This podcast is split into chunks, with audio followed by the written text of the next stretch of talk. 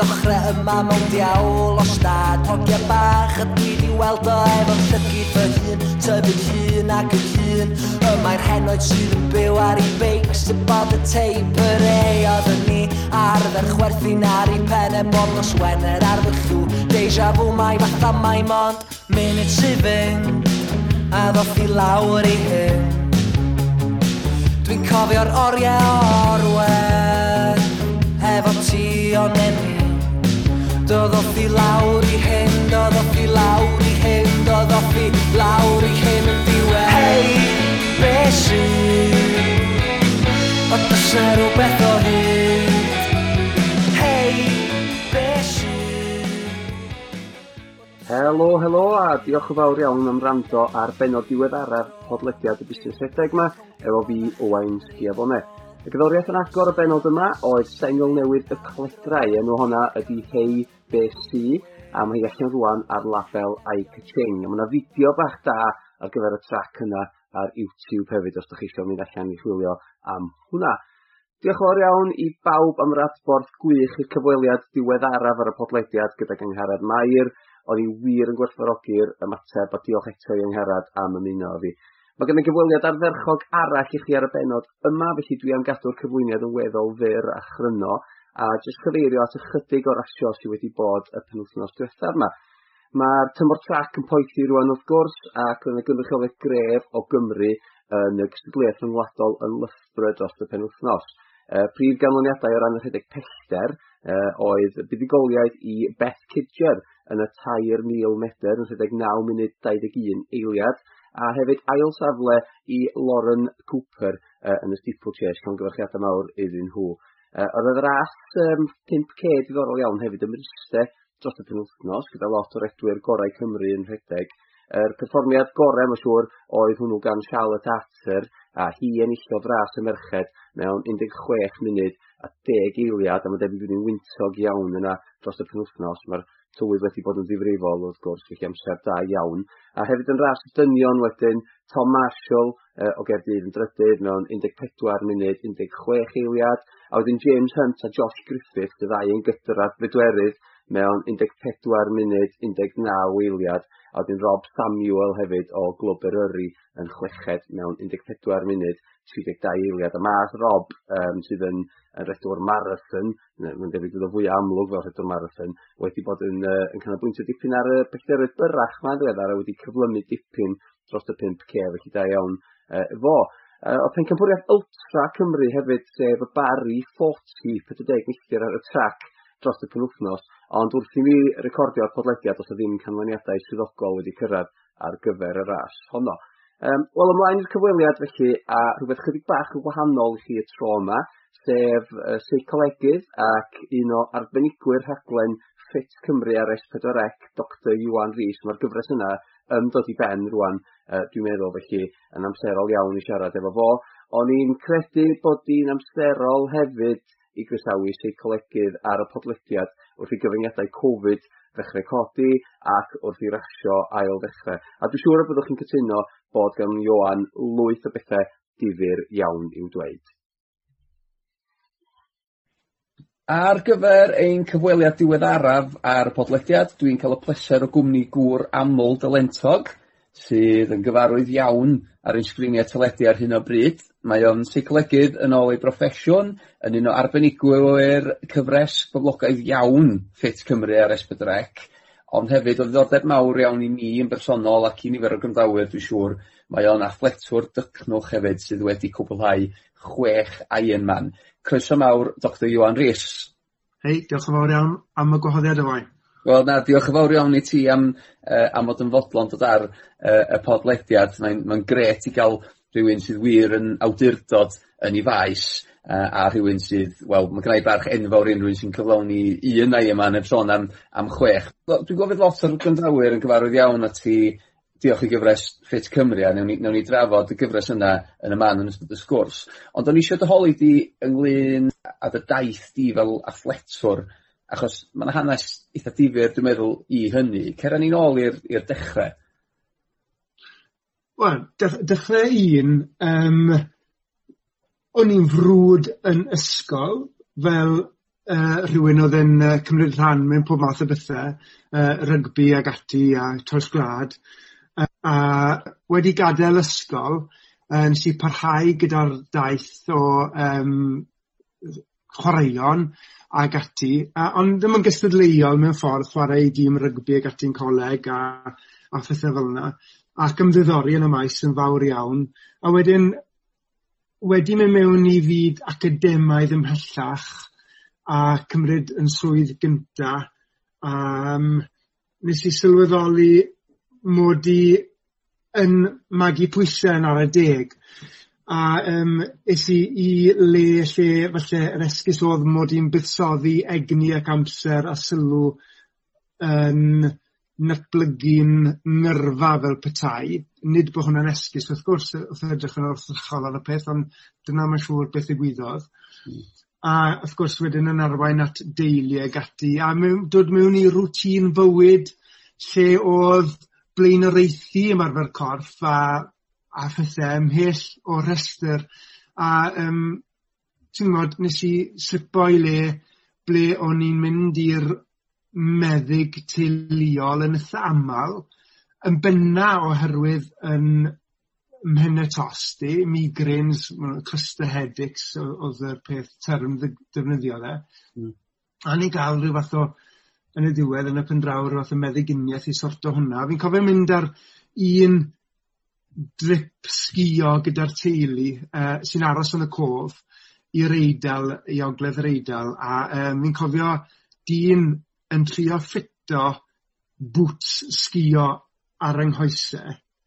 Uh, Dwi'n ddim mor bell yn ôl wrth gwrs ond um, oedd Eben y fach, y mab, gyda ni a'r embaras oedd bod y bwts safonedig o fewn y siop ddim yn y ffitoi o ran lled rhwng yng nghoesau, nid 'yn rhad, ond 'yng nghoesau nghoese Yeah. a a boi yn goffi mynd i ryw siop arall i ôl rhyw fwts arbennig oedd yn lletach gyda'r toggles a a wedyn holan 'yn 'unan yn y boreau i weilod y chairlift a erbyn bo' fi cyrraedd y chairlift gyda'r clobber i gyd oedd 'ym mhen i'n hollti mm. uh, gyda'r uh, migraines yna. 'na beth y gwyddoedd o wain? Oedd, am am y am yr wylie gyfan bron o'n i'n wario fe yn yr ystafell yn yr yn yr uh, yn y gwesti tra bod y teulu yn sgio. Yeah. A hwnna oherwydd gorbwysau a mm. a um, diffyg ffitrwydd a a'r afiechyd oedd yn dod o hynny. Mm. So ar ôl y gwyliau yna, des i nôl i Gymru fach a penderfynu mynd i'r meddyg a gofyn unwaith eto iddo fe mi gyngor a t'mod y siomedigaeth fwyaf yw heb enwi unrhyw surgery na meddyg Lle fes i ddim cyngor i golli pwyse.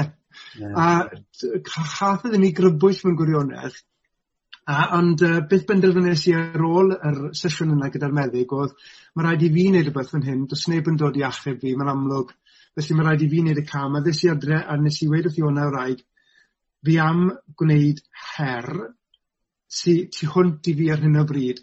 A be nes i fyna yn y foment oedd yn ddeunaw stôn uh, mynd ar y we a cofrestru ar gyfer Iron Man oedd naw mis um, fla'n llaw.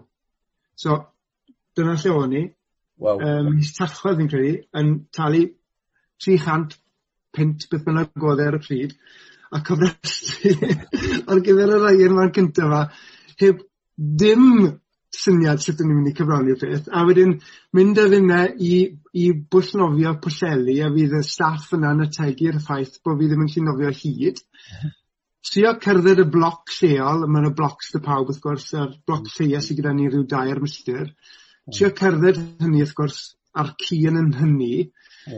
Felly dyna be' o'dd y lefel y ffitrwydd a a dyna lle o'n i. Felly oedd, oedd, oedd rhyw bwysau mawr yna yn llythrenol ac hefyd yn metafforic bod yn rhaid i fi wneud rhywbeth. A be' nes i oedd, a fel ti'n gweud mae'n mae'n wahanol i bawb wedi clywed ti'n gweud 'na sawl gwaith ar ar ar ar ar y testyn yma. Mae'n wahanol i bawb ond be' nes i oedd gosod gol o tu hwnt i'n gallu ar y pryd. A fi'n gwybod bod nhw'n gyngor da i bawb ond dyna beth oedd e. Ond ni'n gwybod os o'n i'n roi her llai i mi Felly, yeah. i ni ddim wedi pwysio ni'n yn odd angen, felly dyna be' nes i.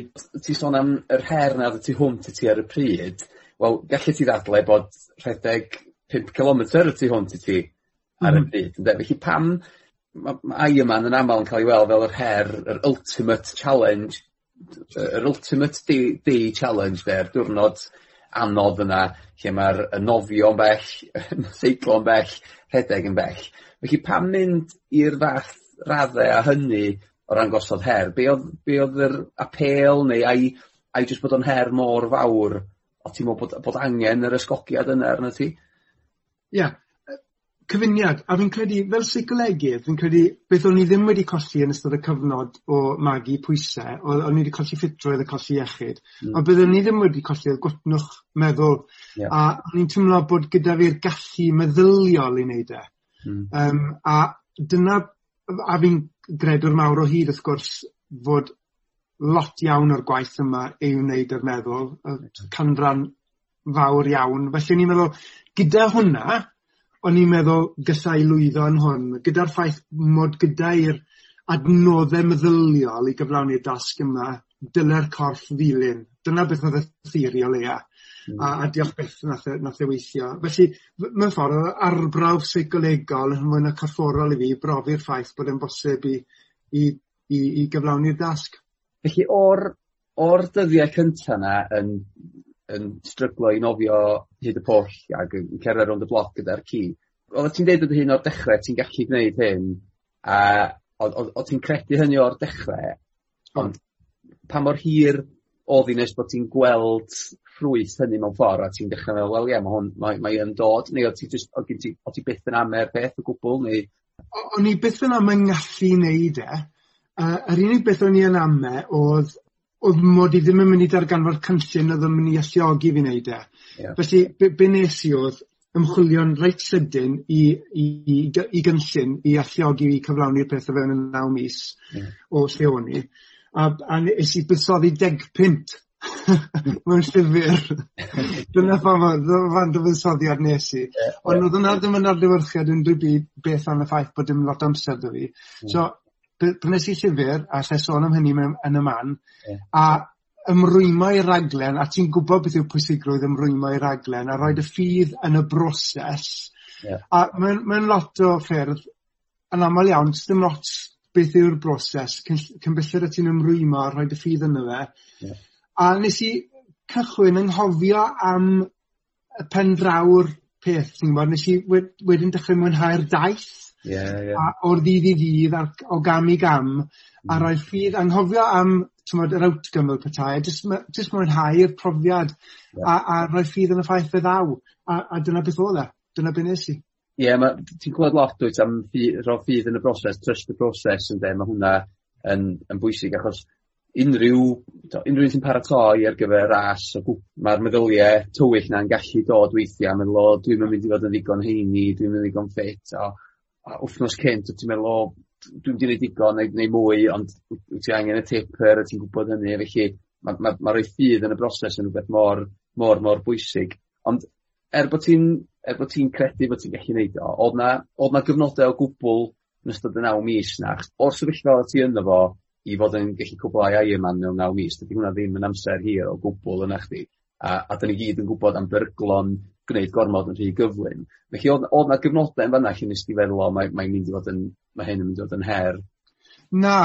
A a a ryswm yw yw achos fi'n gwybod beth yw pwysigrwydd a hunan grêt a a fi'n credu bod bod fi fer a fel seicolegydd fi 'di fi 'di fi t'mod fi'n fi fi gredwr mawr yn y gwahaniaeth rhwng dau athletwr ar ddiwedd y dydd sy'n gyfartal o ran perfformiad corfforol. Mae'r gwahaniaeth yw'r meddylfryd. Yeah. A wedyn, o'n i'n gwybod pa mor bwysig oedd e bod fi'n enyn a datblygu'r hunan gred na yn yng ngallu i wneud hwn os o'n i'n rhoi'n ffydd mewn raglen. Felly, t'mod, ie, yeah, wrth gwrs oedd rhaid fi t'mod, bacan bant rai dyrnodau lle o'n i'n teimlo t'mod, soreness ag ati a raid ni wrando ar 'yng nghorff. A rhaid fi ddysgu'r holl agweddau corfforol 'na, ond o ran cred yn 'yn hunan i gyflawni dasg na. Na o'n i o'n i o'n i o'n i'n mynd i wneud y beth i ddyn o'd os o'n i'n mynd i gerdded a... Ie yeah, ie. Yeah. A lle lle oedd yr un cynta 'na? Bolton oedd yr un gynta a i rheini sydd wedi wneud Bolton mae'n nw'n gwybod oedd yna chydig bach i fi o leia yn baptism of fire hmm. achos um, mae'n gwrs tebyg i Gymru mewn rei ffyrdd mae'r ma, ma, ma'r nofio mewn llyn mm. uh, wel uh, na di, mae mewn mewn mewn cronfa ddŵr Ond yeah. mae jyst hynny yw jyst ym halen, ti'n mynd t- fflotio yn y naturiol felly mae hwnna'n oedd yn or, Yeah. So ma' rhein i gyd yn ffactore eryll yndyn nhw. A wedyn ar ran y beic wedyn mae'r asfalt dy ti ro'n bwnt yn ymwledig yn yn debyg i Sir Benfro. Yeah. So hwnna'n unforgiving o- a oedd y run yn hili. So oedd e ddim yn t'mod Austria flat. Fel, fel ma' Austria ond yy Ond to, oedd o'n gret, achos oedd hwnna'n union beth o'n i angen t'mod yy profi 'yn hunan nid yn unig o'n i'n gallu gwneud e ond o'n i'n gallu t'mod gwneud un oedd yn itha tough 'fyd. Ond nes di sôn nes di sôn am chwarae rygbi ag ati o gen ti unrhyw gefndir yn uh, yn y disgyblaethau, t'o' nofio, seiclo, rhedeg neu oedd y e gyd yn eitha newydd i ti? O o'n i'n o'n i'n na o'n nhw gyd yn newid yn gystadleuol o'n i o'n i 'di ymddiddori'n beicio yn blentyn on' on' nid dim nid cystadlu'n fawr iawn Yeah. o'n i'n nofio fwy na dim mae'n siŵr. O'n i ddim yn rhedwr uh, gwych a hwnna falle oedd y gamp ddys i trwy'r ymarfer dod i fwynhau fwyaf. Yeah, Ie. Yy sy'n sy counterintuitive I suppose hmm. ond hmm. hwnna oedd y peth nes i ddarganfod uh, ddoth o mwyaf bleser i fi oedd y rhedeg. mm. Sy'n ddiddorol. A beth am so, sut ath yr un cyntaf 'na oedd ti'n falch gyda'r hyn o' ti wedi cyflawn? Yn amlwg fysa rhaid i ti oedd y falch o...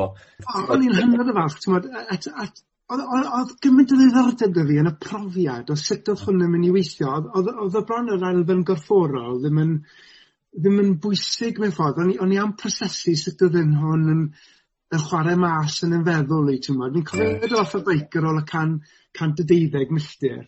A meddwl fi wedi gorffen hwn, mae hwn yn y bag. Yeah. Dim ond marathon sydd wedi fi fynd.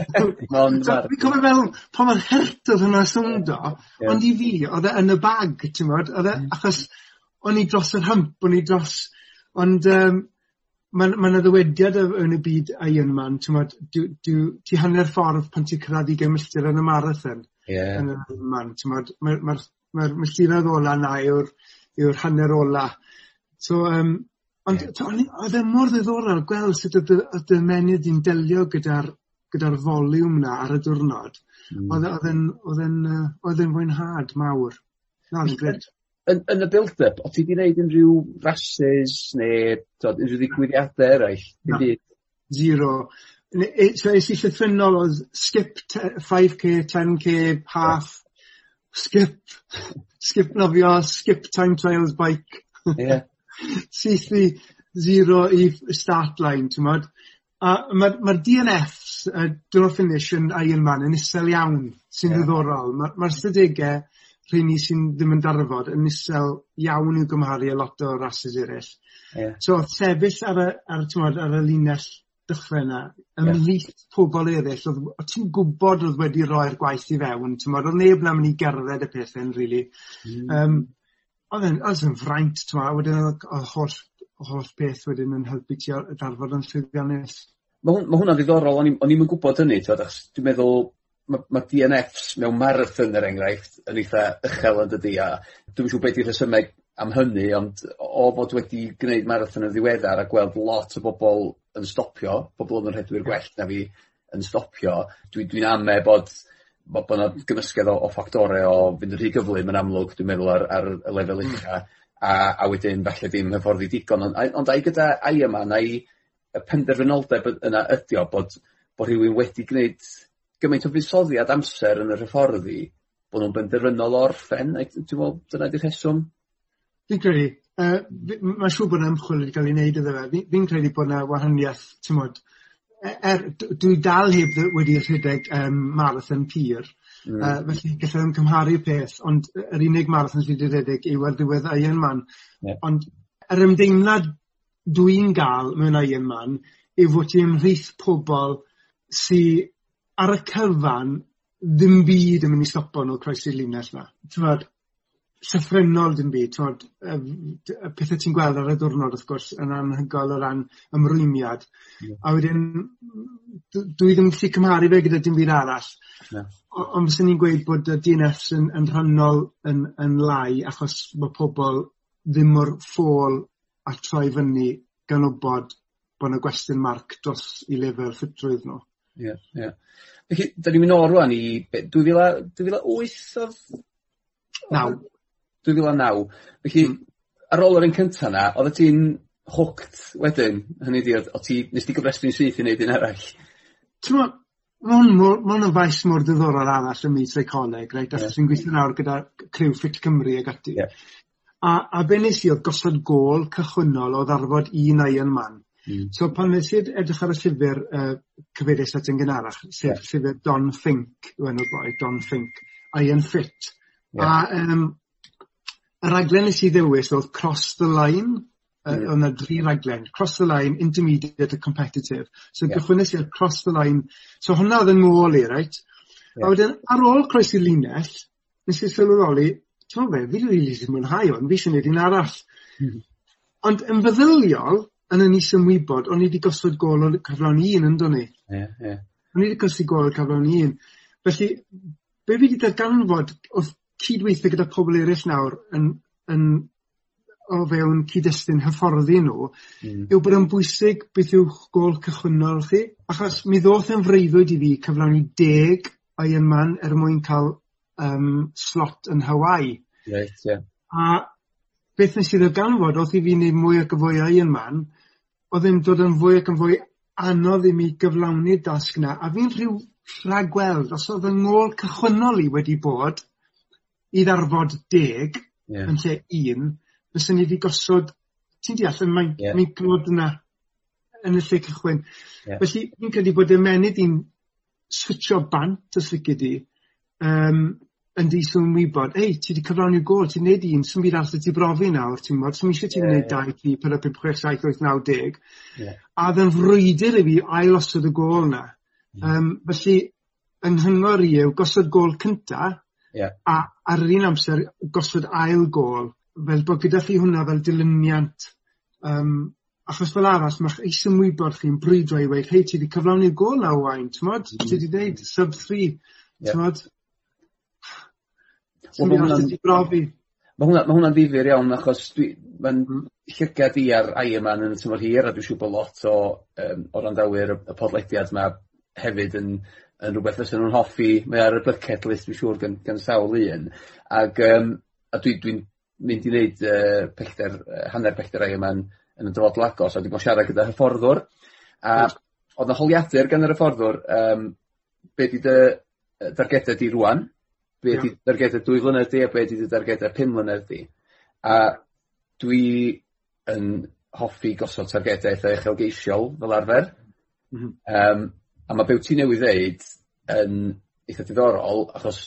Yr awgrym ydy y dyle ti osod targedau, ie bod angen yr yr, yr adeiladu ond bod yr end game dyle'r targed yna fod yn yn uchelgeisiol iawn.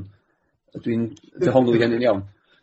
Wyt ti yn achos beth sy'n digwydd yy yn ym- yy t'mod o o brofiad ac o hmm. weld e gyda phobol eryll hefyd yw yw bod y feddwl dy dris yn wybod fel fi'n gweud wrth i ti cyflawni tasg a hwnna oedd y gol di Ie. ma' dis sy'n wybod i mynd i weid hei ti'n ni'n dda da iawn a pat o the back a wedyn yeah. mae gyda ti'r ochr gwybyddol ma, cognitif yn, brwydro do hwnna, gweud na fi eisiau neud mwy, fi eisiau neud mwy. Mm. Ond ti'n wastad mae ma, ma, ma cymhelliant yn dod mewn iddo wedyn, a ni'n gwybod pa mae'r yeah. anodd i cymhelliant fel sylfaen, i hmm. ffindo'r motivation trwy amser. Dwi'n wnna ddim yn sail digonol i ti gyflawni dim byd achos ti'n mynd i ddeffro ar foreue yn yr yy yn yr geia sy'n wlyb ac yn dywyll a dyw cymhellion ddim yn ddigonol i ti i cael ti allan. So mae angen y gol 'na arnat ti. mm, mm. I di. Ma' ma' wt ti'n brawf mewn gwirionedd? Achos nes i ofyn i ti'n do wel pam gosod ai yma yn yr her eithriadol yma fel dy hmm. darged cyntaf di? um, yn hytrach na pump Kay fydda'n lot mwy cyfeddadwy i'r rhan fwyaf o bobl. ac wyt ti'n brawf weld bod y polisi yna wedi gweithio ond ond wedyn wyt ti'n sylweddoli wedyn o falle bod wel bod bod angen y targed fod y lot uwch felly yeah. dwi'n meddwl bod pobl yn aml iawn ofn gosod targed rhy uchel ac 'dan ni o 'dan ni'n eitha cydwadol ac um, 'dan ni 'dan ni misio methu o bosib Dwi'n meddwl gwbod os 'di hynny'n yn rhan o'r peth. A a a ti'n gwybod be' mae hwn yn plethu mewn ffordd gyda beth rhywbeth arall sy'n ymddiddori fi sef y y central governor model hyn. Yeah, yeah. A, a gos, os gallai just throtlan rhwng y ddau beth yna am eiliad. Mm. So, mae'r ma, ma, ma, ma model central governor yeah. yn awgrymu fod dy ymenydd di yn chwarae rôl mewn rheoleiddio dy berfformiad di. Nid dim ond y cyhyred di, wrth gwrs. Yeah, yeah. Felly, mae dy ymenydd di yn ymwybodol y ffaith bod ti'n ei 5k yn y hanner marathon neu ty beth yw'r peth. Yeah. A felly, achos mae'r ymenydd wedyn eisiau cadw dy gorff di mewn homeostasis fel bod ti'n darfod yn ddiogel, mm. mae'n mynd i chwarae rôl mewn um, rheoleiddio sut ti'n performio, mae'n mynd i effeithio ar y pace, na'r mm. peth mwyaf, intensity, the effort di, yeah. er mwyn sicrhau bod ti'n darfod. A, a sut mae'n neud hwnna yw trwy cynnyrchu'r emosiwn o fatigue. Hmm. So ma' ma ma'r fatigue yn cael ei gynnyrchu fel signal o'r ymenydd i weid, hei Owain slow down achos mae gyda ti 4K arall ar ôl os galed di mlan ar y rating ti'n mynd i colapso a dwi ddim yn fodlon i ti'n neud hynny achos os ti'n colapso fyddai'n diodde am yr ymenydd yn gweud mae'n hunanol iawn. Mm. Yn yr un modd, hynny yw, so be ni'n dysgu yw bod mae dymenydd yn chwarae rôl mewn pacing, mm. um, anticipatory pacing, Yn yr un modd trwy gosod gol, t'mod os fi'n gosod gol o redeg un a un man, mae ma' 'na ryw fath o anticipatory pacing i hwnna on'd e?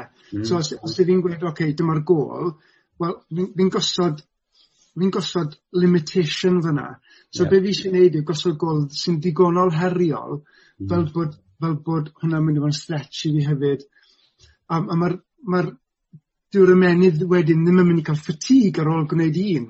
Mm, mm. Dwi ddim mm. yn mynd i weud wrth ti rhoi'r adborth i ti hei ti'n gwneud digon ffatig. Os mae'n gwybod bod mwy i ddod mae fel gweud t'mo' ma' fel gweud ma' 'na un man bod ti wedi blin o'r 5k. wel gall wnna ddim bod achos ti'n gwybod bod gyda ti i milltir arall i fynd so. Mm Hmm ma' ma' ma' ma' lyfr uh, The Law of Running gan um, Rathro Tim Hawks sydd yn siarad lot am hyn yn does.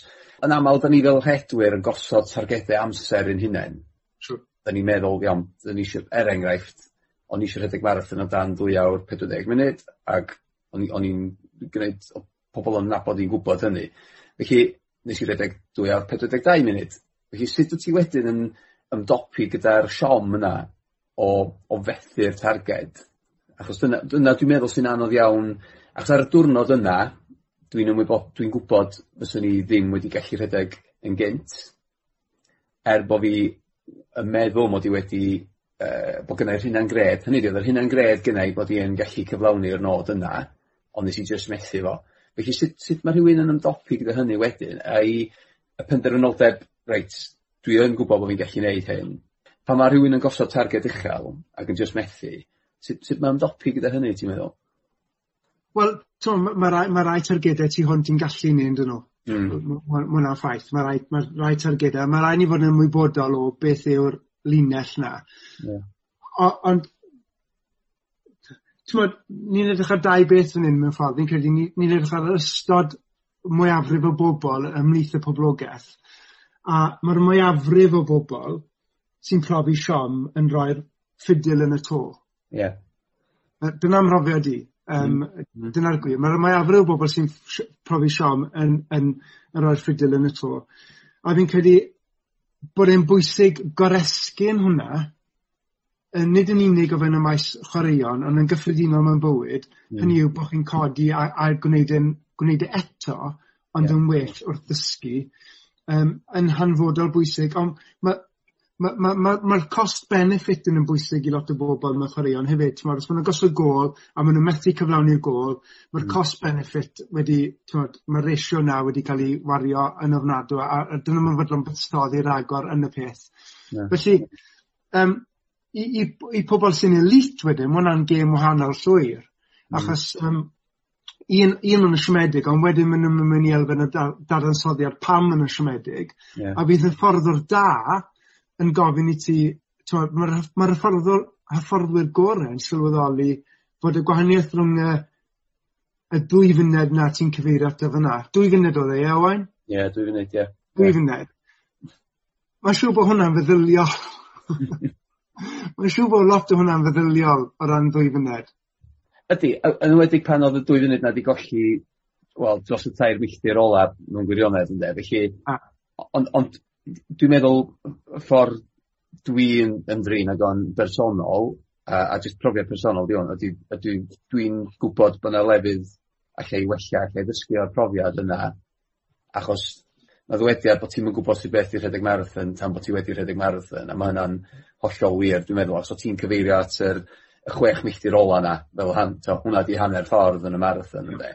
Um, a mae hwnna'n hollol hollol wir ac er bod ti 'di hyfforddi yn galed ar gyfer yr amser wyt ti eisiau rhedeg, dwi ddim wir yn meddwl elli di hyfforddi ar gyfer y yr actuality o farathon ar y dydd. Dwi'n meddwl pa mor galed wyt ti yn hyfforddi, mae'r ma'r milltiroedd ôl yna yn mynd i fod yn anodd Um, felly so, a dwi'n meddwl ma' jyst dysgu a gweld wel ia a a dyna 'di y gogoniant o rhywbeth fel Ironman a um, wel triathlon yn gyffredinol dwi'n gwir ond, ond efo marathon ydy ma' lot o sgop i ddysgu a gwella a newid rhai bethe a mae'r un peth yn wir gyda triathlon achos un triathlon dwi wedi neud ac un sprint oedd hwnnw ond o'n i'n gallu gweld yn syth o ie allai gymryd bach amser nôl fan hyn, allai allai wella'r transition yma yym allai siŵr o fod weithio bach ar y nofio a cymryd hanner munud i ffwr' o fan hyn. felly mae yna ma' wastad lle i ti ddysgu yn does. Dyna 'di'r y ffordd dwi'n bersonol wedi wedi ymdrin ar, ar, ar siom. A dwi'n dwi isio alw fo'n siom achos dwi'n gwybod fysa lot o bobl yn hapus iawn gyda gyda rhedeg merth yn yr amser yna. Um, ond pan ti wedi gosod y targed uchel 'na mae mae o'n mae o'n her dwi'n meddwl. Ond ond ond dwi'n meddwl, y y profiad sydd yn bwysig ynde a fel ti dweud, mae'r trust the process ond rhan o'r broses ydy dysgu o'r o'r canlyniad hefyd yn y marn i. A a fi'n credu bod hwnna'n dod hefyd t'mod yn y yn amal iawn yn yn y broses o'r ymarfer Mm. hynny yw o'n o'n y ffordd nes i un o'r un o'r ffactora o'dd i fi fi'n credu oedd pan o'n i'n ymarfer o'n i'n ymarfer i raso o'n i ddim yn o'n i ddim yn ymarfer i cael jog bach. Yeah. A a fi mae'n 'na wahaniaeth mawr on'd o's e? No, A wedyn a pan pan o'n i'n wedyn yn ymarfer i raso, oedd gyda fi gols specific ar gyfer pob ymarferiad. Yeah. Yntau, tymod, amser neu pellter neu beth bynnag oedd yr intervals, oedd gyda fi oedd gyda fi rhywbeth o'n i'n trio cyflawni a wedyn mm. o'n i'n profi siom yn aml. Yeah, yeah. A, a wedyn, achos oedd, stretch goals fi, right? Mm. So, trwy ymarfer siom, a ymarfer sut ni wedi gymod gyda hwnna ar gyfer y diwrnod nesa. Oedd ddim surprise wedyn ar y ddiwrnod arall so Oedd e jyst fel t'mod profiad o ymarfer ond ar lefel uwch eto. So t'mod fi'n fi'n credu mae'n ddywediad fi wedi clywed yn ddiweddar callous your mind Mm. So, ti'n arfer gyda'r t'mod goffod profi'r profedigeth trwy'r yeah. amser yy yy yn helpu ti i beidio profi fe jyst ar y diwrnod Mm Hmm. A fi'n credu ffordd o neud hwnna yw bod intensity dy ymarfer di yn adlywyrchu beth ti'n anelu at cyflawni. Mm hmm. T'mod os y ti jyst yn myn' mas am a dwi ti ddim fi'n gwybod, ond os mae yeah. dyn jyst yn myn' mas am jog a wedyn mae'n setio yn sydyn reit five Kay 30 minute goal Yeah. A bod e ddim yn cyflawni hwnna. Wel mae'n ma' ma' mynd i cael y tal yn shock achos dwi e ddim wedi arfer a gosod gôls caled o fewn yr ymarferion. Mm, mm, A hmm. fi'n credu bod yn bwysig bod ni'n arfer 'da hwnna sy'n eisiau bod yn gystadleuol. Ti 'di ateb y cwestiwn un o'r cwestiynau gynnai eisiau pa mor gystadleuol wt ti? Dwi'n meddwl bod ti 'di ateb hwnna achos wyt ti yn wt ti yn gystadleuol yn amlwg a na- nâi yn ôl at hynny rwan. ond dwi'n cofio'n y ffordd o rhedeg i ddeud unwaith mewn sesiwn interval Mae rhaid i chi ddod um, gyfforddus gyda teimlo'n anghyfforddus. Mm -hmm. Ydi hwnna'n neud sens? 'Di hwnna'n beth wyt ti'n ti credu yno fo bod yr ti ti yn mynd i deimlo'n anghyfforddus mewn ras felly mae rhaid i ti deimlo'r profiad yna mewn wrth ymarfer wedyn. Yn bendant. Mm. Yn hmm. bendant. A, a fi, fi mae'r ma ymchwil i gyd yn staco lan i'r ffaith bod y pobl sy'n, yym, t'mod, pan ni'n edrych ar y Kenyans a, yeah. ac ati, t'mod, mae, mae, mae sut maen nhw'n prosesu poen mm. a hmm. ffatig yn uwchraddol i'r mwyafrif ohono ni. Mm. dyn nhw ddim yn gweld e fel poen. Maen nhw'n gweld e fel profiad sy'n angen just prosesu. Mm. A um, eitha matter of fact am y peth. Um, a ti'n clywed Lowry'n gweud hwn am a Hugh hefyd, Hugh Brassington. Yeah. Mae'r ma, ma, ma gallu i'r override na i ddigwydd, mae bron yn blesurus yn dweud. Wel, mae yn blesurus, Dwi'n ddim bron o'n i'n cael pleser mawr mewn tymlo bod fi'n yn, yn yn yn tyllu'n ddofn. Mm. Felly ti'n modd, fi'n credu bod rhaid ti fi'n credu bod angen i ni rhoi hwnna i- ar waith yn ein ymarferion ni. mm. Dim dim ond ar y diwrnod a a bob dydd, bod bob dydd, bod yn gystadleuol 'da dy hunan o ran mm. y lefelau ti'n gwthio dy hunan. Felly, fi'n ôl at dy brofiad i ar ôl yr rai yma'n cynta 'na, ai t'o' nes di osod y targed 'ma o ddeg Ironman ond o' ti hefyd gyda targed wedyn o o drio w- gwella dy berfformiad di yn yr Ironman unigol, hynny ydi ti wedi bod yn trio gwneud nhw'n gynt ac yn gynt neu neu be' 'di'r nod O- o'n i yn t'mod oedd un gynta oedd yn bymtheg awr tri deg munud a t- t- t'mod seventeen yw'r cut-off fel ti'n gwybod, ti'n gwbod t'mod? A wedyn o'n i jyst pan weles i'r rhif un deg pump o'r croesi linell yn yn Bolton o'n i'n meddwl bod fi'n o'n i'n meddwl bod fi'n heili gybrys y Selassie o'n i'n meddwl bod fi'n o'n i'n meddwl bod fi'n ffantastig Oedd y ffaith bod e o'dd y ffaith bod e naw o'r gloch y nos o'dd pawb wedi mynd gytre oedd e ddim yn ffactor t'mod? O'dd e jyst o'dd e'n anhygoel beth oedd yr un deg pump na'n golygu i fi. A wedyn ti'n trwy trwy wrth gwrs mae'n anorfod yndyw e bod ti eisiau gwella fel ti'n gweud gwella ar ar y t'mod the, the protocol nutrition yy a a a phob dim i ymwneud â'r peth. A beth arall nath helpu fi hefyd oedd oedd oedd, oedd ni'n siarad ti rated perceived exertion yn mynd i sut 'yn ni'n prosesu fatigue ag ati Yeah. oedd dysgu'n gynnar iawn, dwi'n meddwl os os mae hwn yn gyngor i rywun sy'n ar gychwyn y daith eto ond dysgu hefyd be' mae'n mae teimlo fel hyn- ma' hwn yn dod ar ôl gweud wrth Bob i wthio hunain, mm. be' mae'n teimlo fel i i ymarfer yn dy zones dy galon di hefyd. oh, yeah. I i ddysgu beth mae hwnna'n olygu o ran perfformiad fel bod ti'n dysgu gwrando ar dy gorff di. Yeah. Oedd hwnna'n odd turning point i fi mewn gwirionedd. Hmm. So o'n i'n hytrach na neud milltiroedd yeah. uh, neu amser o'n i'n actually wneud amser yn y zones 'na right. a a oedd hwnna'n bwysig iawn i fi ar y cychwyn bod fi'n dysgu yeah. gwrando ar 'yng nghorff. Mae hynna ddiddorol os dwi'n gwybod lot o o drai athletwyr yn enwedig yn hyfforddi i i zones heart mm. rate Mm. ond dwi bersonol dwi ddim dwi'n mynd defnyddio heart rate i'n i'n hyfforddi ond wyt ti'n ti gredw'r cryf yn yn hynny? Odw t'mod os ma' raid ti parhau fi'n fi nabod rai sy'n parhau ti'n meddwl, sy'n elit uh, a sy'n parhau wneud hynny a wedyn maen ma' nw'n gallu t'mod switsio'n bant yn y yn y deg milltir ola ond fi'n fi credu bod e'n dysgu ti mae'n arfogi ti i sylweddoli yn naturiol be' sy 'dy ti yn Yeah, tanc. Ie. A a a wedyn t'mod pan mae'r pes yn newid mewn ras ti'n gallu gweud na dwi ddim yn gallu mynd o hwnna neu fi'n gallu mynd o hwnna nes ai nawr fydd hwnna'n red zone a fyddai'n talu amdano fe mewn pum milltir. So mae ma' jyst yr ymwybyddiaeth yna, fi'n credu bod cyfnod o ymarfer mewn zones yn gyfnod um, addysgol iawn i rywun. Difyr. Ie mae'n ddiddorol. Yndi, b- be' felly o ran dy dy ddatblygiad di fel Ironman te, t'od do ti sôn am y pymtheg awr i munud 'na fel yr un cynta, faint faint o ddatblygiad nes ti weld dros yr yr pe- na ddilyn hynny? Uh, Dys i lawr i uh, 12 awr sy'n oh. uh, ddim yn elit o bell ffordd ond yeah. i fi oedd hwnna'n gam awr. Ond mae'n ma' rhaid bod t'od ti sôn am Cona fan 'na fyna, mae'n rhaid hwnna ddim yn ofnadwy o bell o amser cwalifeio Cona na chdi? Dwi'n siŵr beth i'r... Uh... Wel ar gyfer ar gyfer age falle.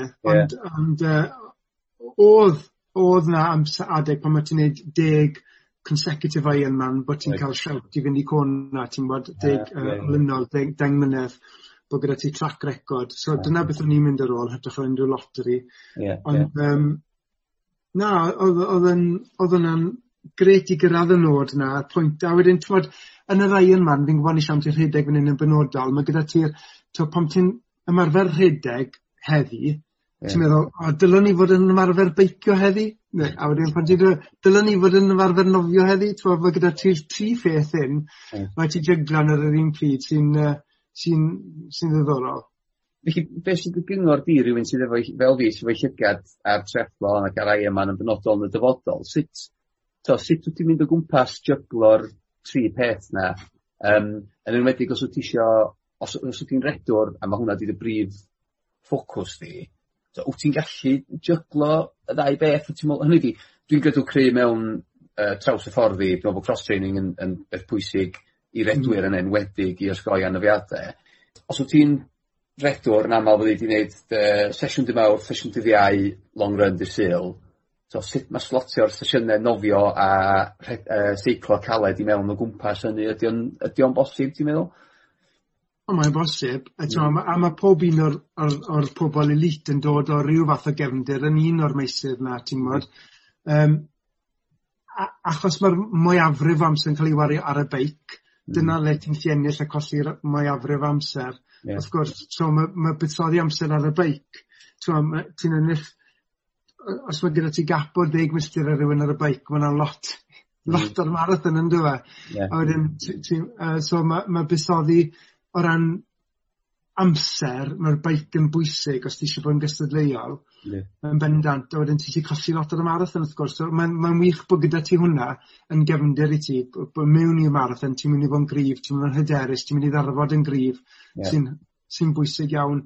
Uh, Mae'r ma nofio hefyd t'mod os os os ti'n dechrau nofio ma' ma' os ti'n darllen y dŵr mewn mewn awr deg muned hmm. mae yna lot o i gymaru rhywun sydd allan o'r dŵr mewn awr hanner yn Ironman t'mo' ma'r ugain muned 'na yn yn dipyn o bellter ar feic i ddal i fyny, Mod, Os ti'n cario hwnna trwy ddau'r marathon, ma'r ma, ma ras wedi cael ei golli yn y nofio.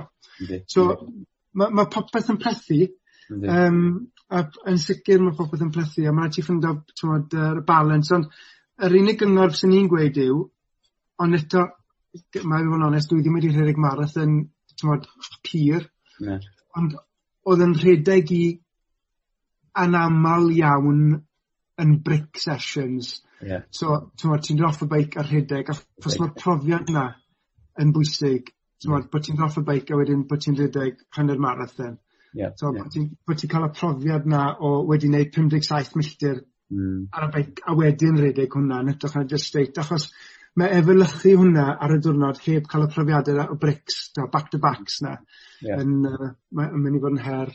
So yeah. mae hwnna'n bwysig sy'n gweud. So brics yn bendant um, uh, long longs ar y penwthnos jyst fel wyt ti'n ei nawr, jyst bod long bike 'da ti hefyd. Yeah, yeah. Um, a a a t'o' open water yn cwbl hanfodol t'mod os ti'n nes i nis un flwyddyn uh, mae'r ton- a a dim bych y Pysgod mae'r ma'r môr yn peth anhygol i frwydro gyda. Mm, mm. A wedyn nes i ostio un flwyddyn, nes i ostio ddwy waith, nes i un flwyddyn, a oedd e môr gynnes, oedd yn wetsuit, so oedd yn yeah. speedo job, a wedyn mwyn hwnna'n brawd, dwy filltir hanner mewn speedos, yn no joke. Yeah. A, a, so mae'r ma, ma holl amrywiaeth na sy'n gallu digwydd ar y diwrnod, uh, yn gallu taflu dyn, so mae'n bwysig bod ti'n cynnwys nhw yn dy, uh, yn dy, yn dy ymarfer di.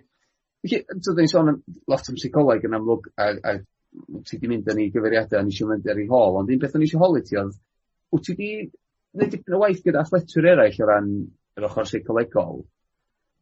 Odw, fi wedi. Yn America hefyd um, gweithio gyda nhw cefnogi i er mwyn cael perfformiad fi wedi gweithio gyda rhai uh, um, athletwyr o fewn y tîm Olympaidd um, mm. eu cefnogi nhw hefyd. Mm. Um, a ma' ma' wnna 'di bod brofiad gwerthfawr i fi ac yn hmm. gymint â iddyn nhw wrth gwrs a bydd gael y fraint hefyd o siarad a cydweithio gyda Hugh Brassington hefyd Um, so amrywiaeth o bethau, a a twad, t'mod o mrofiad i mae'n bwysig bod fi'n dod ato fe nawr... mm. ...gyda profiad personol yn ychwanegol i'r profiad academaidd t'mod dim dim jyst y theori ond lle uniaethu hefyd sy'n bwysig yn dweud. Mm, mm. Os ti sôn yn gynt am yr athletwyr Fletcher na sydd gyda'r edge yn mhm. feddyliol dros y rhai sydd ddim cweit gyda, felly bod nhw yr un mor gryf a ffit yn gorfforol. Ydy hwnna'n rhywbeth wyt ti'n gallu adnabod yn eitha cynnar yn y broses o weithio gyda athletwr? Dwi'n yn siŵr ti cynnar. Fi'n cre credu bod yn... mae'n mae dangos yna i eu ymagwedd nhw i ymarfer. Yeah, yeah. yn yr ymarfer mae'n mae dangos t'mo' bod nhw'n fodlon mynd y filltir ychwanegol yn llythrenol, neu'r polyn nesa neu pwysio hwn, pethau bach 'na, bach bach bach sy'n rhoi argraff i ti bod y person yma mynd i fod bodlon mynd tu hwnt i'r i'r uh, arwyddion mae'r ymenydd yn anfon iddyn nhw i i stopo neu arafu. Yeah. Uh, a goresgyn hwnna. Mae'r dangosyddion yna i weld ym mhobol Hmm. A fi'n credu ar ddiwedd y dydd pan fel wedi sy'n gynharach achos o's gyda ti dau berson sy'n ar bapur ar VO2 max tebyg ar ddiwedd y dydd dyna beth yw e. Felly ydy ydi hwnna'n rwbeth sy'n gallu cael ei hyfforddi ta neu ydy o'n rhywbeth cynhenid sydd mae o gan berson neu 'di o ddim? Neu ydy o'n rhywbeth wyt ti'n meddwl a mwy na thebyg o ran ystyried y proffesiwn di wyt ti'n efallai bod fi'n gwybod yr ateb ond ydy o'n rhywbeth ti'n meddwl ellith rhywun gael 'u hyfforddi ynddo fo neu rhywbeth allen nhw hyfforddi hunain ynddo fo y switch yna? Wel bendant nature nature, fel beth ti'n gweud o fyna um, t'mod y brofiadau cynnar din dy fywyd o ran beth ti 'di ddysgu o ran codydd dy dad ar ôl fethu Yeah, ond yeah. ond hefyd fi fi fi'n rili rili yn credu bod bod ansawdd y hyfforddwr di neu ne' mm. yn bwysig hefyd os wyt ti'n penderfynu ymarfer o fewn tîm, t'mod mewn clwb neu gati, ma' ansawdd y tîm mm. a hmm. disgwyliadau sydd gyda nhw o'r tîm a a a yn bwysig hmm. y y y naill ffordd y llall t'mod i dydyn ni di lawr neu i dy godi di fyny. Mm. Uh, felly pan ti'n edrych ar Kenyans sy'n rhedeg gyda'i gilydd t'mod T'mo' ma' ma' mae eu hagwedd n'w yn y siambr gynharach yn gwbl wahanol i'r rai camps eryll. Hmm. Felly mae hwnna'n cael ffactor so fi yn credu bod hyfforddwr da neu hyfforddwraig da yn gallu rhoi syniadau ymhen pobl, cysyniadau ymhen pobl, mm. pobol hmm. o'n nw eriod wedi dychmygu. Mm, mm. A t'mod a a torri trwyo trwyddo i i hunan hunan grêt hmm. oedd y person eriod wedi credu. A'n aml iawn i fi, diffiniad hyfforddwr yw da yw bod gyda nhw mwy o ffydd yn y tîm a gos 'na gyda ti yn amal iawn. Yeah, yeah, yeah. nw'n credu o aint ti'n gallu neud hwn boi. A mm. a bod nhw'n rhoi hwnna yn y tŷ a bod hwnna'n ma' hwnna'n goffod wrthon nhw hefyd. Yndi yndi yndi.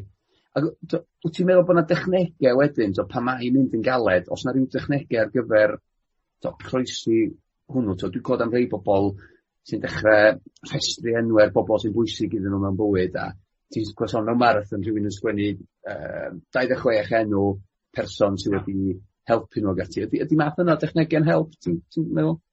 Yn bendant ni'n ni gwybod, ni'n gwybod bod placebo yn gyntaf gyd placebo yn huge right? Yeah. placebo yn ffactor hynny yw unrhyw beth ti'n meddwl sy'n helpu yn mynd i helpu Mm. Um, fi'n bod e'n bylsen gwag neu uh, bod e'n bod hi'n cyfri defed, no dim defed, yn cyfri rhywbeth o leia Mm. yn ma' beth ti'n neud ti'n credu sy'n gweithio yn debygol o weithio Yeah. so mae'n bwysig bod ti'n dewis rhywbeth, a ymarfer gyda rhywbeth. So, o'n i'n gwrando Ro- Ross Edgley yn siarad t'mo' ti'n gwbo Ross yeah, Edgley? yeah. Y boi nath nofio rownd Prydain.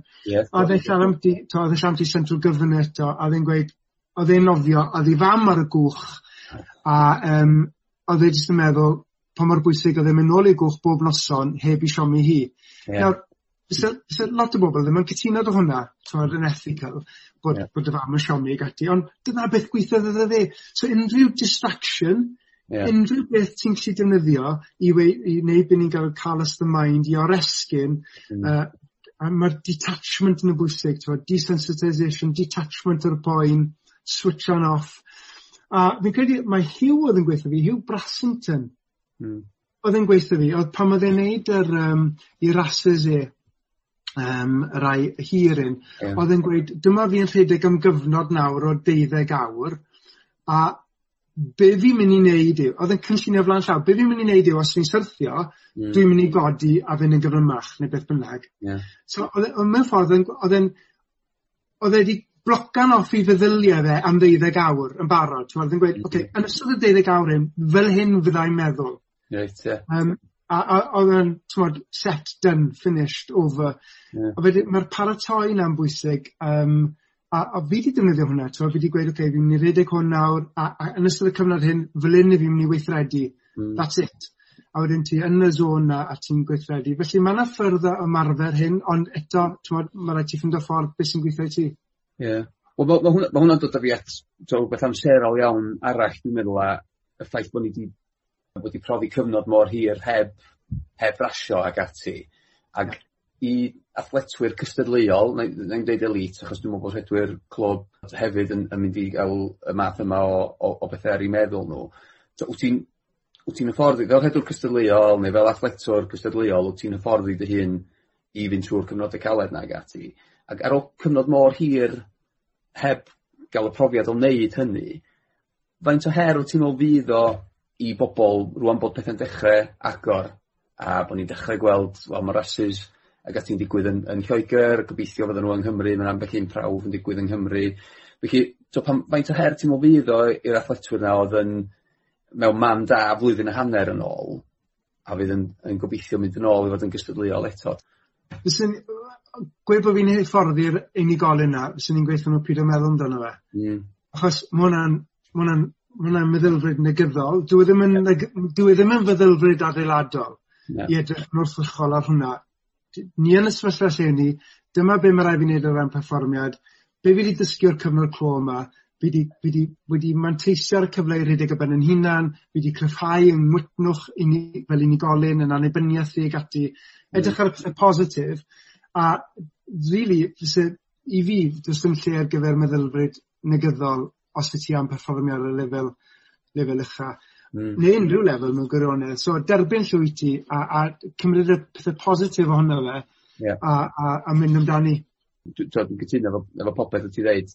Ond, ond y perthyn i hynny, faint o golled wyt ti'n meddwl ydy wedi bod i fod heb digwyddiadau chwaraeon fel park run yn enwedig yn rhywbeth dwi'n meddwl sydd bod yn hynod o bwysig i iechyd cenedlaethol. So faint o golled ydy hwnna wedi bod i ni fel poblogaeth y ti'n meddwl dros y flwyddyn a hanner dwetha? Wel ti'n meddwl, mae ma' ma' ateb dy fi sy'n mynd i mae'n ma ddwy ochrog. Un yw wrth gwrs mae'n golled achos mae'n golled o brofiad ac mae pobl yn mwynhau e gan gynnwys fi. Fi'n mwynhau e. Mm. Um, ond wedi dweud hynny t'o' a- ar lefel hyfforddwr um, dwi'n wnna ddim yn dyw e ddim, dyw ddim yn meddwl gadarnhaol i fi, i feddwl fel yna. Felly be fyddai'n gweud yw, be fi di ennill o'r cyfnod hyn? Oce, okay, dwi ddim wedi gallu gwneud parkrun, dwi ddim yn mynd i fod yn seiclo yn y clwb lleol, yeah. dwi ddim wedi bod yn cael y profiadau hyn sy'n ffantastig, ond be fi wedi gwneud yw hyn, hyn, hyn, hyn, hyn.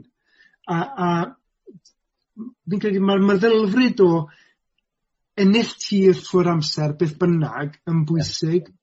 a, a ti'n mynd i'r gorau o'r cyfleoedd sydd gyda ti.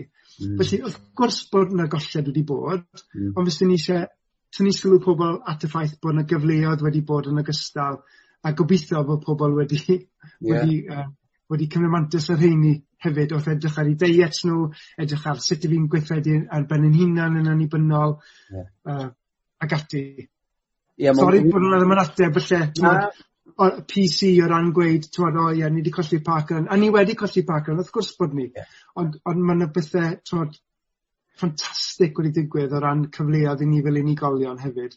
O a da ni wedi goffod dibynnu ar ryngweithio mewn ffyrdd gwahanol yn y byd athletau, dwi'n dwi meddwl ond nes i wneud lot o rasu rhithiol ag ati ar y dechrau, oedd hwnna'n gret fel ffordd o o just gadw mewn gysylltiad gyda'r rhedwyr eraill ag ati a wnaethon ni fel clwb wneud cwpl o fel y relays virtual 'ma oedd yn gret ar y diwrnod achos o' ti'n pawb yn anfon i amseroedd mewn a yna lot o banter ag ati ond wedyn mae'n y bwynt yn cyrraedd lle ti'n diflasu ar y pethe ar y nofel a'r pethau yna yeah, yeah. Um, ond wedi dweud hynny dwi'n dwi cytuno mae'n rhaid ti fe- ffocysu ar y pethau positif a mae wel nes i wneud y sesiwn yma neu nes i wneud y ras rhithiol yma yn gynt na beth dwi wedi neud 10k o'r blaen neu beth bynnag yeah. wel os dwi'n gallu efelychu hynny mewn ras jyst yn meddylia be' allai, allai gyflawni ynddo. felly trio cadw hynny mewn cof am hynny ydy'r ydy ydi'r allwedd ond... A os ti'n gystadleuol mm. os ti'n os ti a ceisio cystadlu mae'r cyfnod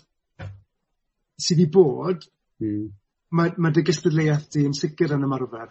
Mm, mm. Wel 'dyn ni wedi gweld lot o recordiau ag amseroedd hmm. cyflym cyflym yn mynd ers ers y cyfnod clo a a falle bo' rhan o hwnnw wedi bod bod pobl wedi gallu canolbwyntio'n fwy ar yr hyfforddi a ddim ar ar y rasio ynde a bod bod hwnna'n dod o gorau allan o rywun wedyn. Um, to, un peth o ti nes di grybwyll yn fan'na um, o a un peth dwi wedi bod yn salu mwy o sylw iddo fo dros y flwyddyn diwethaf, 'di tanwydd a a bwyd a diod ag ati a a hmm. sut mae hynny'n gallu cyfrannu at at atberfformiad a nes di nes di sôn wrth ei bod bod gen ti ddiddordeb mawr yn yn hynny felly beth ti'n me'wl ydi rôl deiet a a dim dim deiet yn yr ystyr colli pwysau, ond deiet yn yn gyffredinol? Wel, ni'n ni gwybod bod rôl yn fawr, fel ti'n gweud nid mewn deiet penodol per se ond mewn byd ni'n ni roi yn ein cerff ni yy rôl enfawr i perfformiad Mm. Um, yn bersonol ti'n meddwl, rhaid i fi golli'r yy o ddeunaw stôn i ddeuddeg stôn a rhaid fi golli'r pwyse 'na. A ond nes i ddim ffocysu yn y cyfnod yna golli'r pwysau ar ar golli pwysau. Nes i just ffocysu ar roi bwyd da... Mm. ...yn 'yng nghorff oedd yn mynd i caniatáu i fi wneud y job.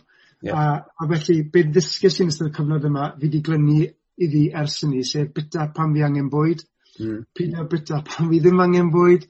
So a nes i rili really ddysgu mynd nôl i'r basics o gryndo ar 'yng nghorff T'mod Dys dim t'mo' okay, fi'n gwybod bod yna bod yna ystod o disgwyliadau gyda ni o ran pryd dylen ni fita Yeah. ond mae ma' hefyd disgwyliad cymdeithasol i ni fita amser cynio, amser te, mm. amser swper hyd yn o'd os 'dyn ni ddim angen y bwyd. Mm. Felly es i nôl i wrando ar 'yng nghorff yn fwy a um, a wneud lot tipyn bach o ymchwil 'yn hunan o orffen wrth gwrs a a sylweddoli o ran poblogaeth, bo- o mm. ran dynol ryw ni wedi cael 'yn fagu i bita uh, t'mod pethe sy ddim yn cynnwys burgers tan yn ddiweddar iawn um, yn y ganrif ddytha. a t'mo' coincidentally mae ma' gordewdrad 'di dod ers y cyfnod 'na ma' hmm. ma' yy yn aml iawn felly nes i leihau ar faint o carbohydrate o'n i'n bita uh, i lefelau is a oedd hwnna'n yn uh, shift da i fi yn bersonol. Mhm. a mae wedi gweithio i fi t'mod uh, felly mae'r carbs fi'n cymryd nawr gan f- ar y fwyaf o o fewn um, gyda llysiau a a ffrwythau, uh, i fod yn onest yn hytrach na um, tmod, processed carbs. Yeah. Yeah. Mm. O wedi dweud hynny wrth wrth arwain t'mo' o'n i ddim yn hollol uh, fat-fueled ar gyfer Ironmans fyswn i yn neud uh, carb loading cyn y ras uh, jyst i i roi ychwanegiad ond o'n i ddy- es i ddim yn i sort of keto phase fel yna. ond um, fi'n nabod rai pobl sy'n neud e wrth gwrs jyst yy jyst y fat yn unig ond um, a a beth bynnag sy'n gweithio i ti ond ni'n ni gwybod bod ni'n gwybod, bo' t'mo' os ti os ti'n orddew, a 'dyn ni'n mynd trafod yna nawr os ti'n or-ddew mwy na thebyg mae oherwydd bod ti'n bwyta gormod o processed carbs. Mm, T'mo' ma' mae mae'n mwy na thebyg oherwydd hynny. Felly um, trwy gwneud y y newid bach 'na nes i wneud newid mawr. Just i roi esiampl 'ta pa pa fath o bethau fysa ti 'di osgoi wedyn 'ta ran t'o' cabs wedi wedi prosesu? Wel fyswn ni wedi osgoi bara uh, mm. grains uh, t'mod yy pethe yy fyswn i 'di bod ar dy special gaze di a dy pethau fel un sy'n dy dy bars di a pethe hmm. amlwg siwgr, siocled wrth gwrs Um, um, ie fyswn ni wedi lleihau ar ar y pasta. Hmm. Sy wedi lleihau ar y reis uh, yy fyswn i ddim wedi bita um, um, um, llysiau um, fel tatws gymynt unrhyw beth tan ddeiar, tan ddeiarol sy'n cario mwy o carbs. Right, yeah. um, Felly lleihau ar reina adwn am proses wrth gwrs ond lleihau ar reina a wneud gwanaeth mawr achos ma' rai spike yn dy yn dy blood sugars ma' rai mae rai spike yn dy insulin di. Yeah. Mae rai ymateb mae'n mae, mae gallu achosi inflammation yn y beth nath ei fi. Yeah. A t'mo' mae, ma' ma' ymchwil yn ma' peth ymchwil i ddangos bod rheini sy ar lower carb diets o ran uh, athletwyr mm. yn yn para'n hirach dim o ran uh, ei gyrfa nhw nawr yn para'n hirach. Non-inflammatory diet yn para'n hirach. So os wt ti'n i athletwr uh, elite neu gystadleuol rŵan, fysa ti'n cyng- sy ddim wir wedi rhoi lot o sylw falle i'w i'w diet yn y gorffennol, ti'n meddwl fys- bod hwnna'n sicr yn rhywbeth dylen nhw fod yn yn edrych arno? Dwi wedi clywed um, tre- tre athletwyr yn yn cyfeirio at diet fel y pedwerydd disgyblaeth mm. uh, sawl gwaith ynde t'mod wt ti'n gredwr y cryf yn hynny felly?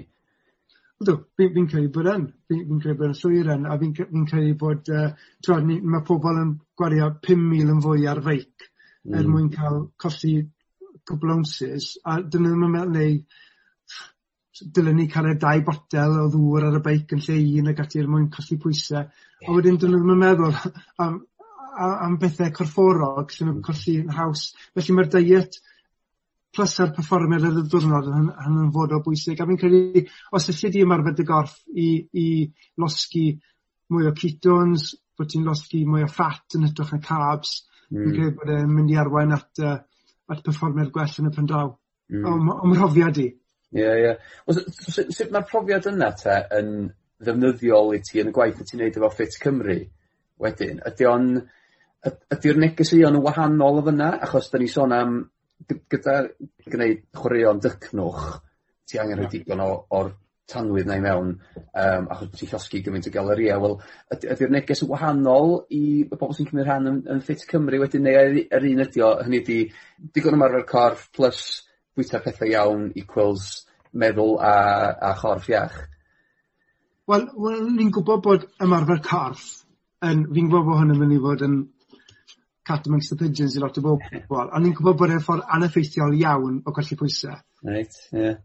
Diet yw'r peth i golli pwysau. So os, os ydych chi'n neud ymarfer corff er mwyn colli pwysau yn unig, a hwnna eich prif ffordd, er enghraifft, o'n i arfer mynd i'r gym yn, yn, yn lleol, mm. a bob hyn i hyn, o'n i'n gweld pobl yn y chwarae yn wythnosol squash, mm.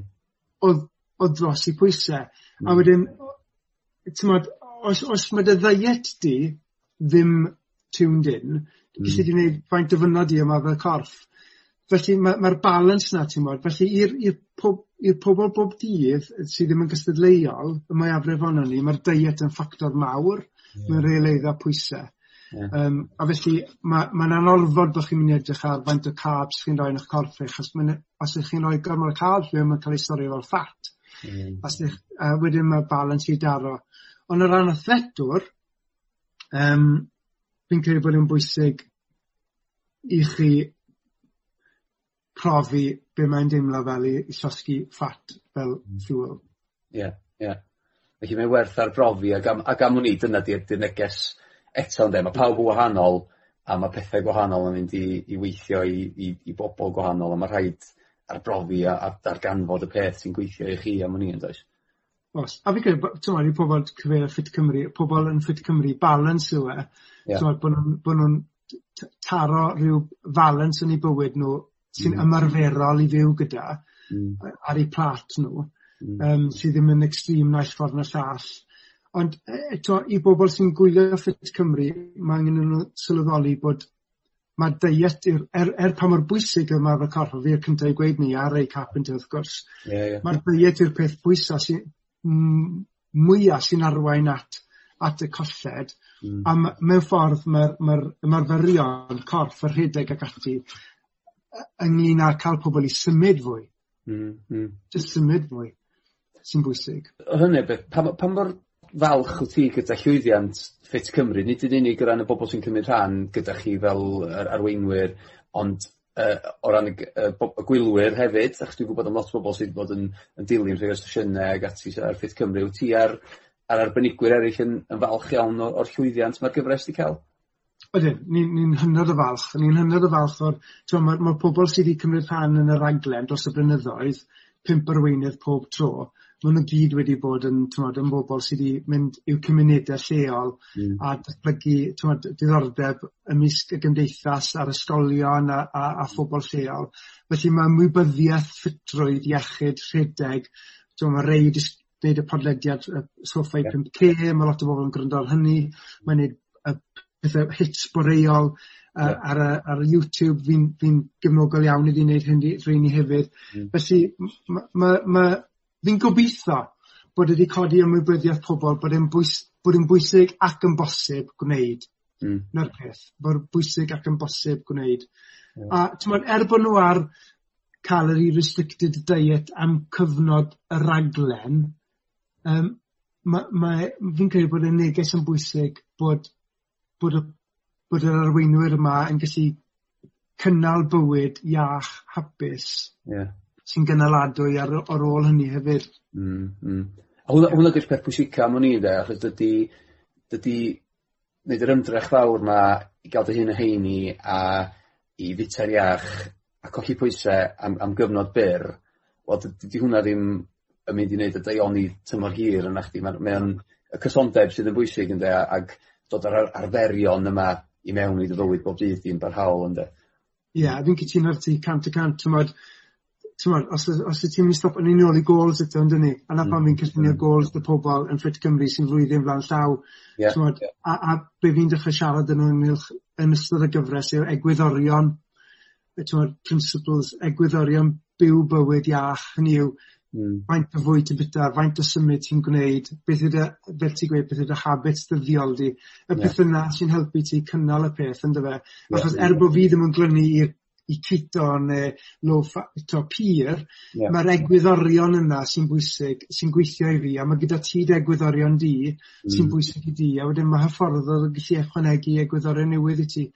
A mm. felly, rheina sy'n dy gynnal di yn hytrach na raglen yn y pen draw. Ie, yeah. yr ysgogiad am ni ydy, ydy rhywbeth fel, fel y rhaglen yn dehag. Ie, yr ysgogiad.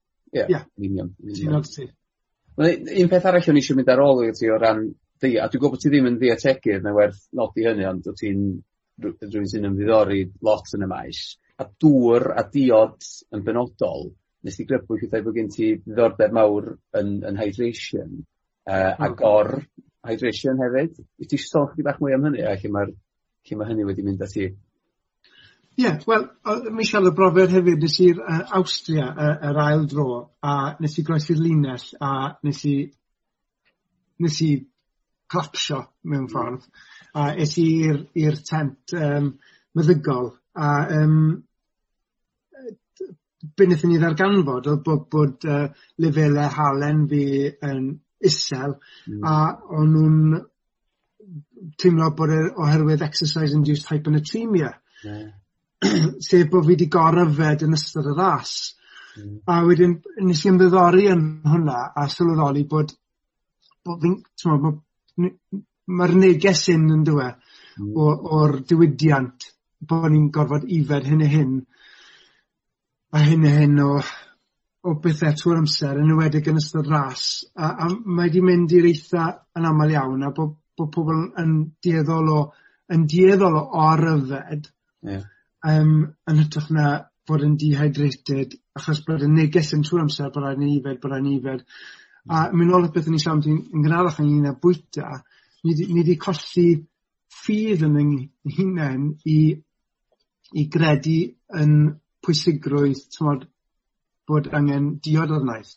Ie. Yy a syched fel arwydd naturiol corff, er enghraifft t'mod fi wedi clywed pobl yn gweud a fyddai'n gweud oedd pobl, 'dyn ni'm yn gweud oedd ci neu chath pryd i yfed, maen nhw'n gwybod pryd i yfed. Mm. A oedd hwnna gyda ni fel pobl dynol rhyw, mm. tan bod yr diwydiant yn dod a gweithio ni bod rhaid yn ifed one point two litres beth bynnag Uh, so be' fi'n trio wneud yn yngwaith i yw trio cael pobl i i wrando ar eu cyrff nhw fwy. Yeah. A t'o' s'm angen i ti sy'n angen i ti fynd â potel o ddŵr am ar 5k. No. Um, a a t'mod dwi ddim yn helpu ti yn y pendrawi i feddwl bod hwnna'n angenreidiol felly mae ma' syched ar mae ma' maes 'na i gyd yn bwysig i fi mm. achos mae'n elfen arall o gwrando ar y corff fel mm. nôl i Heart-Rate eto a gwrando ar ydw i angen bwyta, gwrando ydw i angen diod. yeah. Felly y ffydd hyn yn trwy'n cael ein rheoli gan t'mod rhyw fath o ffigyrle. yeah. Ma'n bwysig a ma' fformiad i yn well oherwydd hynny. Felly d- oedd os o'dd dy neges di yfed pan wyt ti'n sychedig felly? Ie. Yeah. A d- dim jyst neges fi hwnna, dyna beth yw pwrpas syched. Yeah.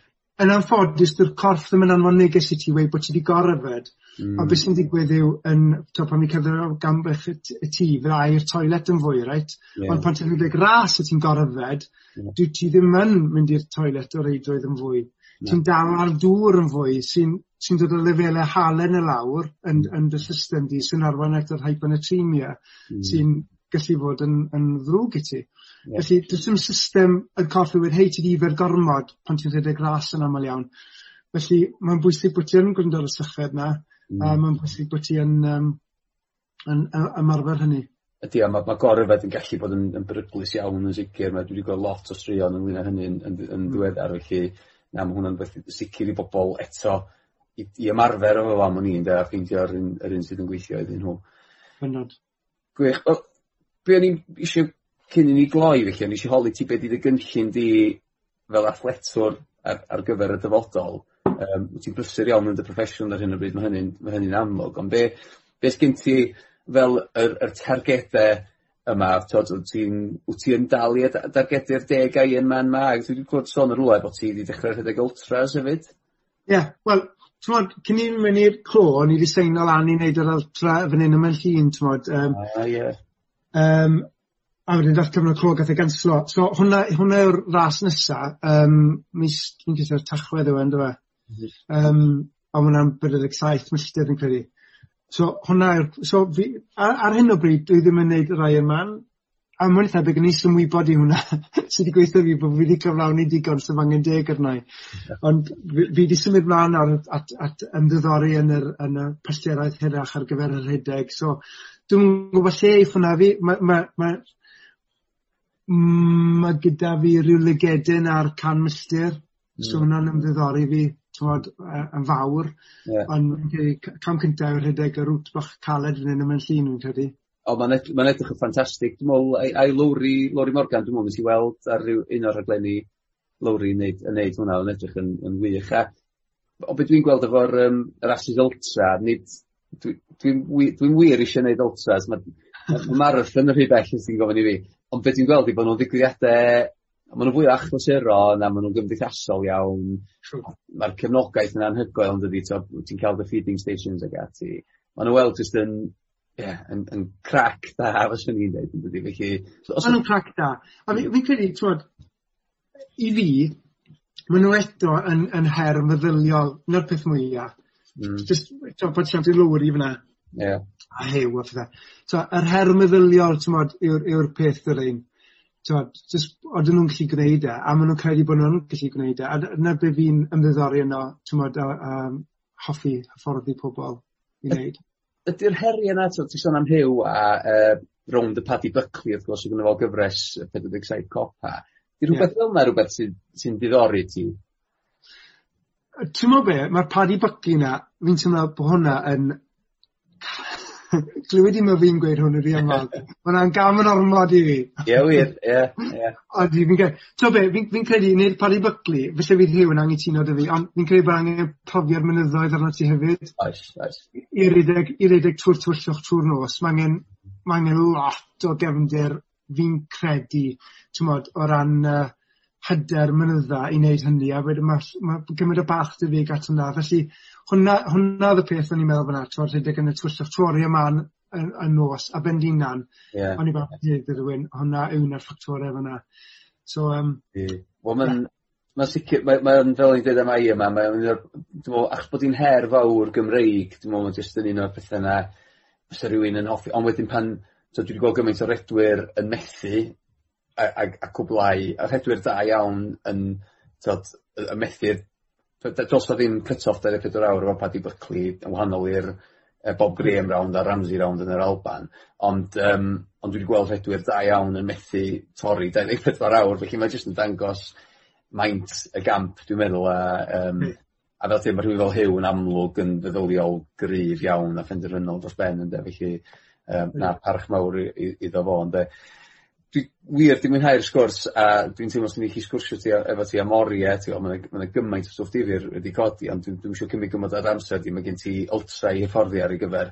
Yy on' ma' ma' gynna ni rei cwestiynau, da ni'n ni gofyn bob tro ar ddiwedd y podlediad a gwneud ddordeb ddiddordeb mawr mewn mewn clywed atebion di.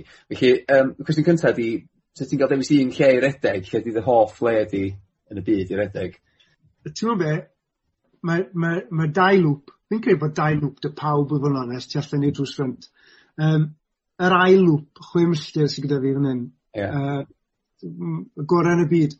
Mm. O'n i lawr i Didwyliog a a rownd y bloc a a a reswm pan fi'n gweud hynny yw pan fi'n mynd dros y top a edrych lawr tuag at Tudweiliog fi'n yeah. edrych lawr i Ynys Môn mm. a'r yn yr haf fi'n gweld mynd y Wicklow yn y pellter a mae'n dimlad anhygoel a wedyn drop lawr i Tudweiliog ar yn y craim nôl i lle fi'n byw a mae'n chwe milltir gorau byd. Fi'n gallu neud fi 'llu neud intervals arni fi'n gallu neud hill runs, repeats. Mm. Ma' mae fi 'llu neud popeth ar y lŵp yna. Mae popeth fi angen. Felly sy'n angen i fi mynd ymellach na'n Route 20. Ni ma' man Gwyn man draw. Yeah. A t'mod fi rili t'mo' fi'n credu bod ti'n gallu llwyddo. Nes i Ironman fan hyn, yn llun, t'mo' gallwn ni digon o gysydion, dim y lonydd cywir, dim y... yeah. hewlydd gywir, t'mo' i milltir i fi myn' i, i i i bwysnofio, i milltir um, round trip, wel 22 dau onest. Yeah. A mae ma' popeth gyda ni i neud popeth ni eisiau, just ni sy'n gorffod just gwneud e. Ie yeah, ie yn union yn union. Iawn wel mae hynny'n arwain yn daclus iawn at the hoff sesiwn di wedyn nes di sôn am intervals a hills ag ati yn fyna be' be' fysa dy Be sydd y sesiwn, so, os wyt ti'n yn paratoi ar gyfer Ironman falle be be fydde'r sesiwn sy'n deitha ti reit mae eisiau fi gael hon yn neu wneud hon yn yn iawn os dwi'n gallu neilio hon dwi'n mewn siap da. Long runs? Ie. Yeah. Ie. Yeah. Mm. heb heb heb doubt. Allweddol. Yn allweddol off off cefen brics So, oedd bric bric di syl fi fel arfer yn pum deg saith milltir o fan hyn i Beddgelert dro- dros top rhyd di, lawr i mm. rhwng Glyn Llifon, nôl i fan hyn, oedd yna bum 'di sef hanner Ironman. Yeah. A wedyn fues ni'n redeg hanner marathon ar ôl hwnna. Yeah. A um, hwnna oedd hwnna oedd y y y linyn melly- mesur i fi. Mm. Twa, lle o'n i arni o ran yr wythnos a sut o'n i'n teimlo a yeah. o'n i'n gwella, o'n i'n gwella, o'n i'n gwella. Yeah. A um, yeah, long runs bob dydd. Ie. Dim bob dydd.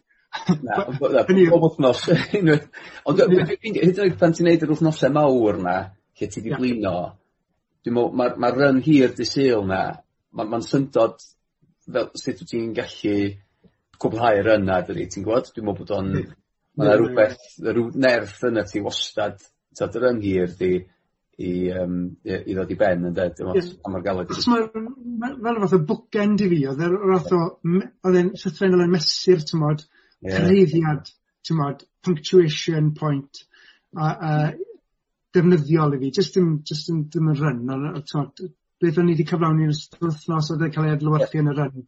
Felly ma' hwnna'n ma' hwnna'n ddifyr o ran seicoleg hefyd achos dwi'n dwi dwi meddwl bod, bod fi'n deall beth sy'n gen ti fyna, achos ma' 'dan ni'n teddu efo'r cynllun iawn, di syl, di Llun i di syl, dwi'n meddwl, mae pawb ar, ar ôl i'r yn hir di syl, dwi'n teimlo bod fi'n pwysio rhyw botwm refresh, Mm. er bod fi'n gwybod falle bod, 'na bo' fi'n dechrau'r wythnos fawr arall y bore canlynol.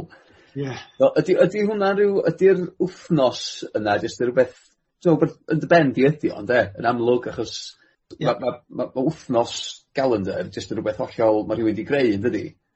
Ie. Yym. Wel t- t- on' i pwynt yn y siarad i gynharach, yn yn hytrach na ymarfer i'r aso, on' o'n i'n teimlo bod y y long 'na ar y penwthnos, mewn ffordd yn yn fel yn gweud ffrwyth y llafur yr wthnos. Ie. A oedd yn adborth uniongyrchol a o'n i'n fel 'na o'n i'n 'i weld eto, o'n i bai bod fi'n goffa mynd long and slow fysyn ni yn mynd yn galed mm. fysyn ni yn mynd t'mo' seventy eighty percent er mwyn trio gweld beth o'n i'n gallu gwneud yr yy cymharu wthnos cyn ni.